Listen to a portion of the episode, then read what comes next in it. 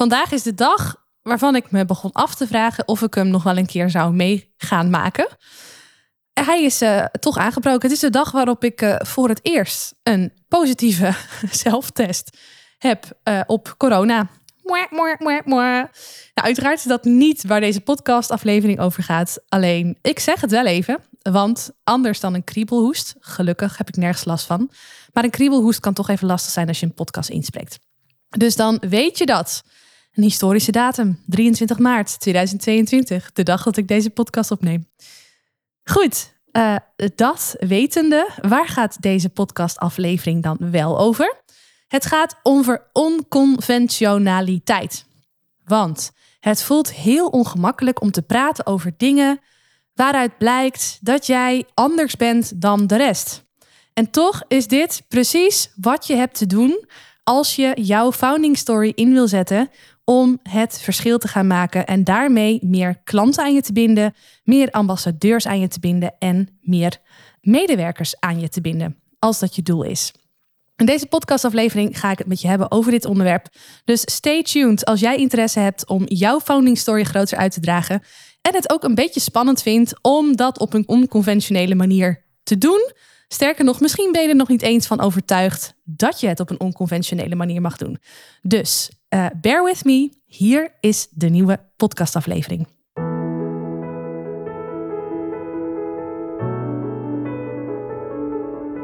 Mijn naam is Marije Wielenga. Is presenteren voor jou van essentieel belang om succesvol te zijn? Zakelijk, publiekelijk of persoonlijk? Dan is deze podcast Stralend Presenteren voor jou. Als Nederlands kampioen in speechen daag ik je uit om boven de saaie zakelijke presentatiestandaard uit te stijgen. En meer dan dat nog, om boven je eigen standaard uit te stijgen. Blijf luisteren om te leren hoe.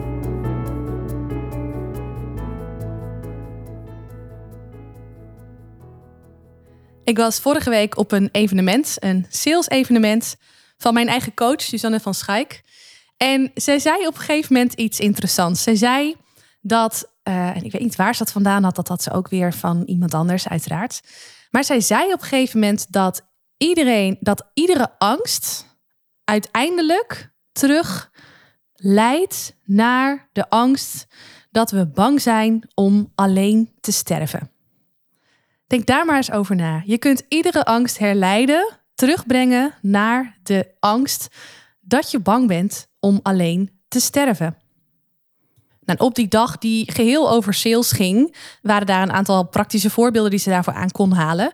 Denk bijvoorbeeld aan het voorbeeld dat het heel erg spannend kan voelen om uit te reiken naar een potentiële klant die jij echt heel hoog hebt zitten, waarvan je denkt: wow, het zou toch wel heel, heel gaaf zijn om met die klant samen te kunnen werken of met die persoon samen te kunnen werken. Maar oh god, hoe ga ik dat doen? Hoe ga ik die persoon benaderen? Alsof je een stiekeme crush op iemand hebt en uh, die persoon wil gaan benaderen, maar dan even in zakelijke termen. Die angst, als je dat terug herleidt, dan kun je dat verklaren als dat je bang bent om door die persoon die jij zelf heel erg hoog hebt zitten, door, daardoor afgewezen te worden. En uiteindelijk kun je dat weer terugbrengen naar, ja, als, als mensen je afwijzen, dan blijf je dus alleen over en dan sterf je dus alleen. Oké, er zit een grote sprong tussen, maar you get the point. Een ander voorbeeld wat meer in het straatje van deze podcast ligt, is de angst voor presenteren. Ik heb in een andere aflevering al eens verteld dat dat een van de drie grootste angsten is die wij kennen als mens. En dan misschien niet zozeer presenteren aan zich, maar het staan voor een groep in je uppie. Nou, die angst kun je ook terugleiden naar dat jij daar alleen staat, dat die groep tegenover jou staat, dus dat jij op dat moment niet onderdeel bent van de groep.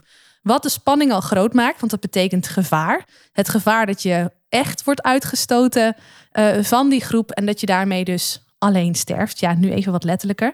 Maar ook die angst valt dus weer terug te herleiden naar de oorzaak of naar de kern bang om alleen te sterven. Nou, of dit echt helemaal klopt, weet ik niet. Maar als je er wat langer over nadenkt, klinkt het op zich niet heel erg gek. Goed, terug naar de aanleiding van deze podcast, naar het onderwerp van deze podcast. Onconventioneel zijn. Ik schets je even de oorzaak van alle angsten om te komen tot een paradox. En dat is namelijk de paradox dat ondanks dat we bang zijn om alleen te sterven, het nodig is om je in die positie uh, op te stellen om succesvol te zijn. En die ga ik even verder uitleggen. Op het moment dat jij jezelf presenteert als one of a kind, niet zo bijzonder, een doorsnee persoon, ben jij voor de mensen om jou heen niet zo heel interessant om mee om te gaan. Over het algemeen genomen. Helemaal als jij uh, nu in de tijd van in deze tijd waarin we echt, nou, ik heb geen cijfers bij de hand, maar echt dood worden gegooid met uh, prikkels, social media, uh, telefoontjes, WhatsAppjes, LinkedIn berichten, Instagram, um, reclames op straat, reclamefolders. Nou, je kunt de lijst nog verder aanvullen. Juist in deze tijd waarin we worden doodgegooid met prikkels, is het de kunst om juist niet middelmatig te zijn, want anders val je niet op. En dat is dan ook de paradox waar ik uh, naartoe wilde werken. Dat het aan de ene kant super oncomfortabel voelt om je kop boven het maaiveld uit te steken. Om dus anders te zijn dan de rest. Want daar komt de angst alleen te sterven uh, vandaan. Of die nou helemaal gegrond is of niet. Terwijl het wel nodig is om je volle potentieel te leven. En niet alleen jouw volle potentieel, maar ook daarmee het volle potentieel van jouw bedrijf. Om dat te benutten. Nou kan het zijn dat jij die uh, schroom uh, al heel erg voelt en dat dat voor jou reden is om uh, überhaupt eigenlijk niet zo zichtbaar en hoorbaar te zijn naar de buitenwereld toe. Dat je vooral veel communiceert vanuit je afdeling marketing over het product of de dienst zelf of misschien de manier waarop je dat doet. Ook daar heb ik een keer eerder een podcastaflevering over opgenomen. Maar het kan ook zijn dat jij op dit moment al vrij makkelijk praat en het ook helemaal niet zo spannend vindt om wat persoonlijker te worden of uh, het even wat anders te doen dan de rest.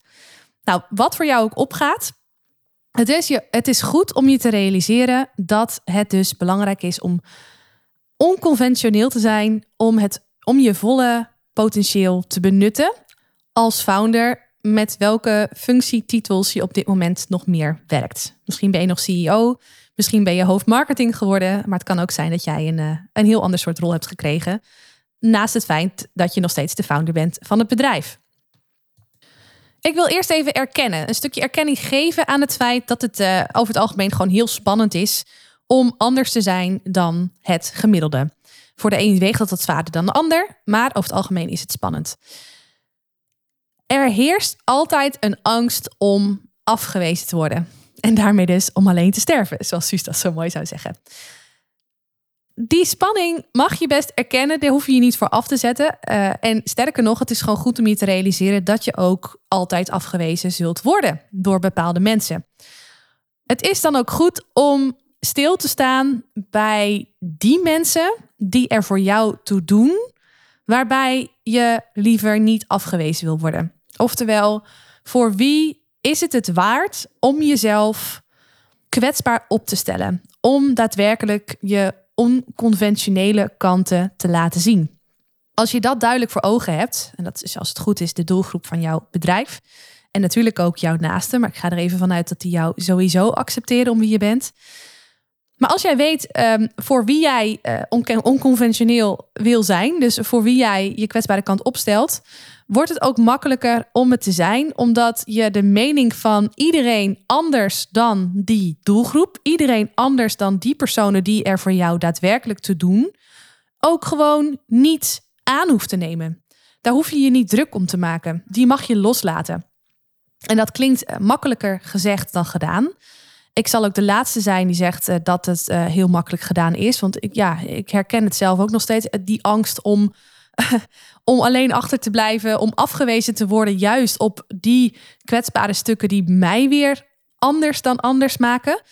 En toch is het wel van belang om je dit te realiseren als je merkt dat, uh, dat, dat het je wat doet. Dat iemand mogelijk iets vindt of daadwerkelijk iets vindt. Misschien ken je Brene Brown, een Amerikaanse uh, onderzoeksdeskundige op het gebied van moed en schaamte. Zij heeft een paar prachtige TED-talks die ik je zeker adviseer om eens te bekijken en ook een paar hele goede boeken geschreven. Zij zegt heel mooi in een van haar um, boeken, volgens mij is het De kracht van kwetsbaarheid, dit boek. Zij zegt, stel je voor dat je door je van een kwetsbare kant te laten zien, dat je daarmee metaforisch in een soort arena staat, dan ben jij het ideale mikpunt voor het publiek om uh, bekogeld te worden met bijvoorbeeld uh, tomaten of uh, leuzen of nou zeg het maar.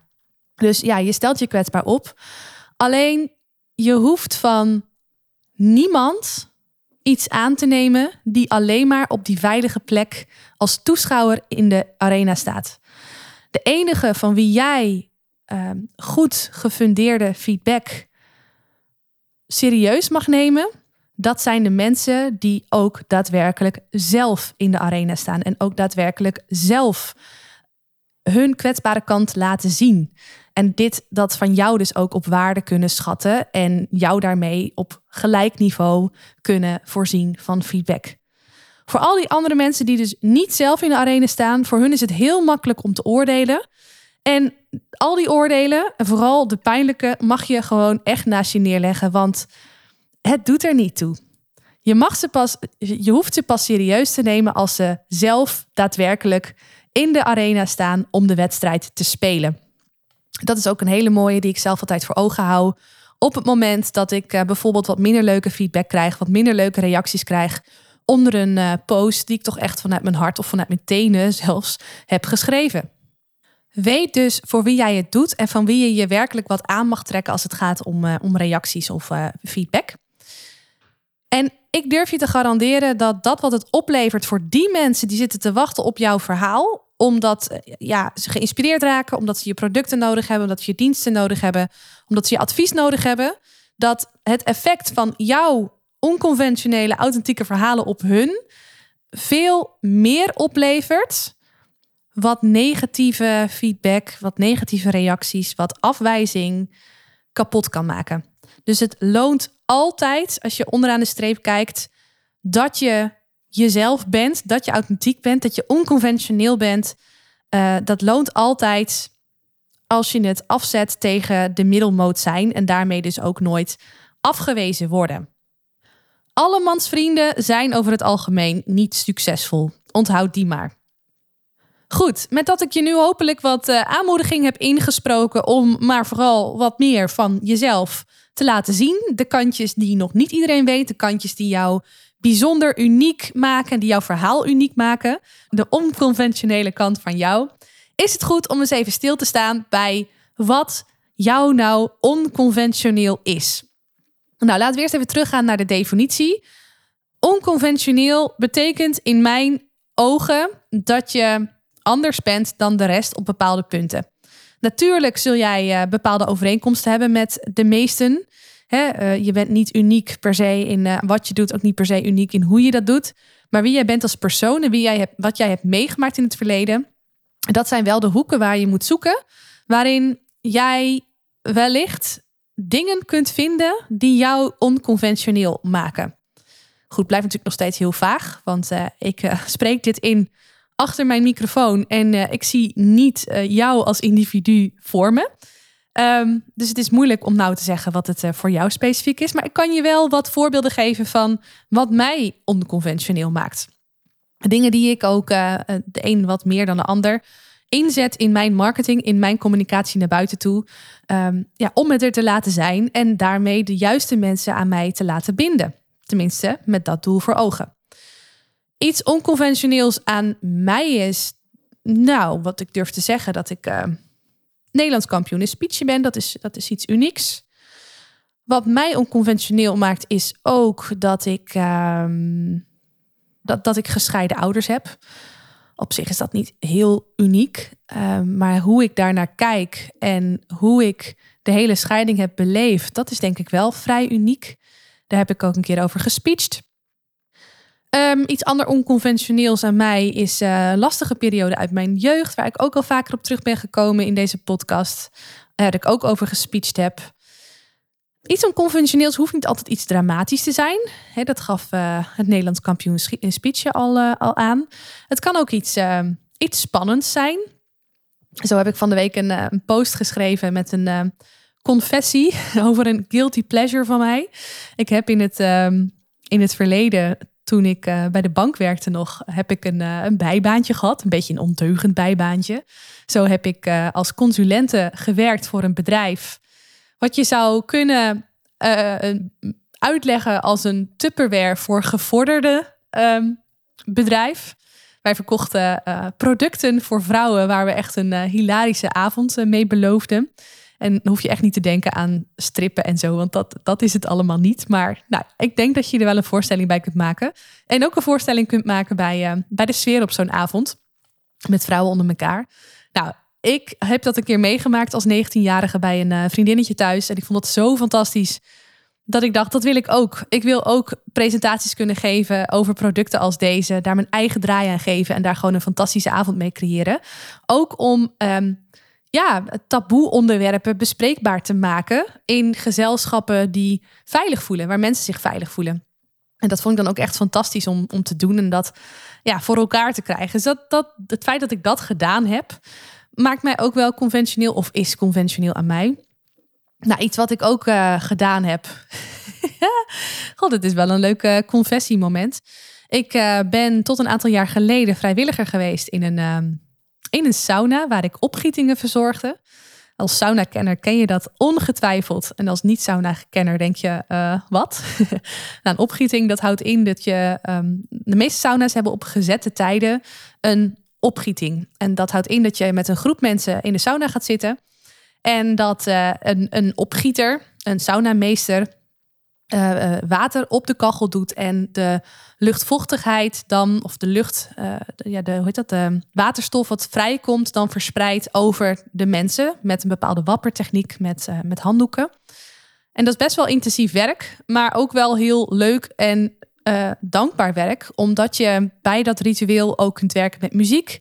Ehm, ik deed dat ook uiteraard op mijn hele eigen manier, door ook ehm, zelf muziek uit te zoeken. Ik vond het ook leuk om daar een stapje verder in te gaan. De meeste saunameesters doen gewoon een aantal nummers in een bepaald genre en doen daar hun kunstje mee. En dat is het dan, een kwartier lang ongeveer. Of soms uh, twee keer tien minuten. Sommige mensen hebben er een pauze tussen. Maar ik maakte daar echt een hele eigen show van. Je zou het misschien niet zeggen als je mijn uh, kriebelhoestachtige stem nu hoort, maar ik heb een passie voor zingen. Ik durf ook te zeggen dat ik dat aardig, uh, dat ik dat aardig kan voor een amateur. En ik ging dan ook die opgietingen zo verzorgen. Uh, dus een, een, thema had ik dan bedacht en had ik dan muziek bij uitgezocht. En ik zorgde altijd dat ik aan het einde van zo'n sessie een soort toegift deed aan mijn sauna-gasten. Dan ging ik uh, geheel onverwacht op een emmertje zitten bij de uitgang. En dan uh, ging ik onder begeleiding van een karaoke-cd of soms gewoon a cappella een, een, een, lied ter gehoor brengen. En dat, nou, dat werd altijd heel erg gewaardeerd door sauna-gasten. Dus dat, dat is ook weer iets unieks, iets onconventioneels, waar ik ook uh, ja, niet mee te koop loop. Maar ook daar heb ik wel eens een keer een speech over gegeven. En ook dat heb ik wel eens gedeeld in uh, content die ik heb gemaakt en heb verspreid via social media. Dus dat zijn dingen die mij onconventioneel maken. En ik denk als ik nog even verder terug ga, dat ik wel uh, op meerdere onderwerpen kan komen, op meerdere ideeën kan komen. Maar goed, het gaat nu niet per se om mij. Ik ben vooral benieuwd of jij aan de hand van deze voorbeelden die ik zo vanuit mijzelf heb gegeven, ook een aantal dingen kunt ehm, bedenken die jou onconventioneel maken. En als founder zul je nu wellicht denken van ja, dat is allemaal leuk Marije, al die persoonlijke dingen, maar uh, het, het, verhaal mag toch verteld worden met een zakelijk uh, doeleind. Uh, ja, dat klopt. Uh, zakelijk en privé zijn alleen niet helemaal gescheiden daarin. Want een founding story gaat altijd over een, uh, een persoonlijk verhaal ook. Hè? Het verhaal van de ondernemer achter het bedrijf. De founder van het bedrijf. Dus daar zit ook altijd een stukje persoonlijkheid in. Dus ja, er is ruimte voor persoonlijkheid.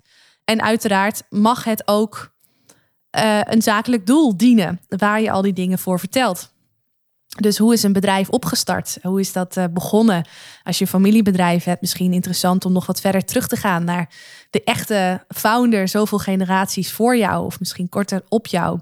En hoe jij je verhoudt of uh, verhield in het verleden tijd tot de uh, eerdere generaties. Wat ze anders deden dan dat jij nu doet. Wat jouw worstelingen zijn geweest om het uiteindelijk op jouw manier te doen. Of wat jou heeft doen besluiten om het uiteindelijk gewoon niet meer te doen en de boel te verkopen. Dat, dat kan ook een, een founding story zijn van een bedrijf wat inmiddels uh, verkocht is. Dus het heeft altijd een persoonlijke touch, maar wel uh, met uiteindelijk een, uh, een zakelijke link, omdat het uiteindelijk een zakelijk doel mag dienen. Als ik dan ook weer even naar mezelf mag kijken, ik denk, ik ben nu uh, 31 jaar. Ben begonnen met ondernemen toen ik, even denken hoor, ik ben nu bijna zes jaar ondernemer. Ja, 26 was, 25, 26 was. Ja, ergens rond die leeftijd. Nou, er waren ook uh, weinig mensen van mijn leeftijd die dat deden. Ze waren er wel, zeker wel. Alleen in mijn directe omgeving kende ik ze niet. De meeste uh, ja, oud-klasgenoten en zo gingen toch voor de veilige weg. En nog steeds trouwens. De meeste mensen die ik ken, uh, niet vanuit werk bezien, zeg maar. Die, die kiezen voor werk in loondienst. Of ja, die kiezen voor werk in, in loondienst. Dus dat maakt me ook wel iets anders dan de rest.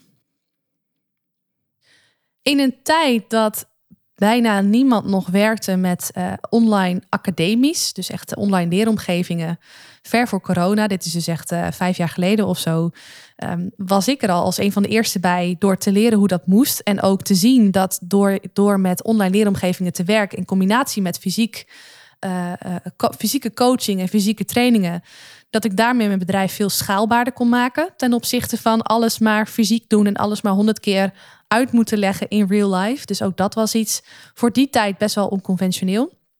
Ik kan me ook heel goed nog de tijd herinneren dat ik met Zoom werkte. Dat was ook al dik vijf jaar geleden.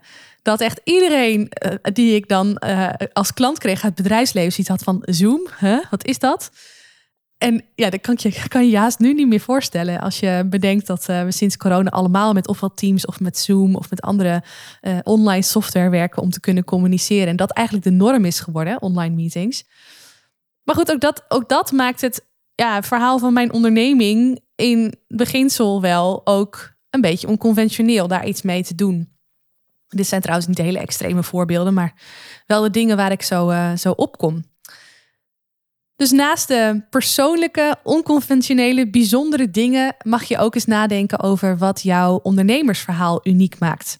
De meeste ondernemers, de meeste founders die ik spreek, als ik die vraag naar hun founding story, dan komt er een soort verhaal van A tot Z. Zo is het begonnen en zo staat het vandaag de dag met alles wat daartussenin zit.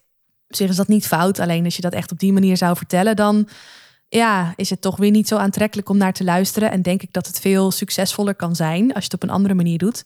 De kunst is dan ook om bepaalde thema's uit te lichten in dat ondernemersverhaal en daar een, een goed verhaal omheen te vertellen. Zodat je daar echt met die thema's echt naar buiten kan komen. Want dat zijn de dingen die jou uniek maken, die jouw verhaal uniek maken, onconventioneel maken. Dus ik nodig je uit om daar eens goed over, uh, over na te denken. Nou, en als je er dan nu nog niet van overtuigd bent of nog niet voldoende moed voelt om met juist die onconventionele dingen naar buiten te komen, dan wil ik je de tip geven. Het boek The Freak Factor is te lezen. Die is van David J. Randall. En dat is een heerlijk geschreven boek. Wat eigenlijk onderstreept wat ik wil vertellen in deze podcast. Namelijk dat het de kunst is om niet te kijken naar wat je goed kan en dat in de etalage te zetten. Maar juist de kunst is om te kijken naar dat wat jou anders maakt. En daar gewoon echt schaamteloos mee naar buiten te komen. Dat is misschien wel een heel extreem omgedraaide van wat je gewend bent om te doen. Maar daar zo over lezen, ik kan je vertellen, het laat je echt inzien, het laat je echt voelen dat het de moeite waard is om het verschil te maken, juist met die dingen die jou uniek maken. En daardoor kwetsbaar maken en daardoor anders maken. Het is het echt waard om daarmee naar buiten te komen en daarmee de angst om alleen te sterven sorry, blijf flauw vinden om te zeggen, maar ik zeg het toch maar weer. Om die um, ja, onder ogen te komen en gewoon ja, je niet te laten belemmeren om dit te doen, om dit uh, in te zetten. Nou, voel jij nou bij uh, deze aflevering, ja, heer, heer Marije, ik ben het helemaal met je eens.